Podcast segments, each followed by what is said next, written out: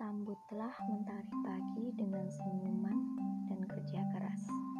Jangan menyerah dikala rasa sakit terus memenuhi ruang hatimu.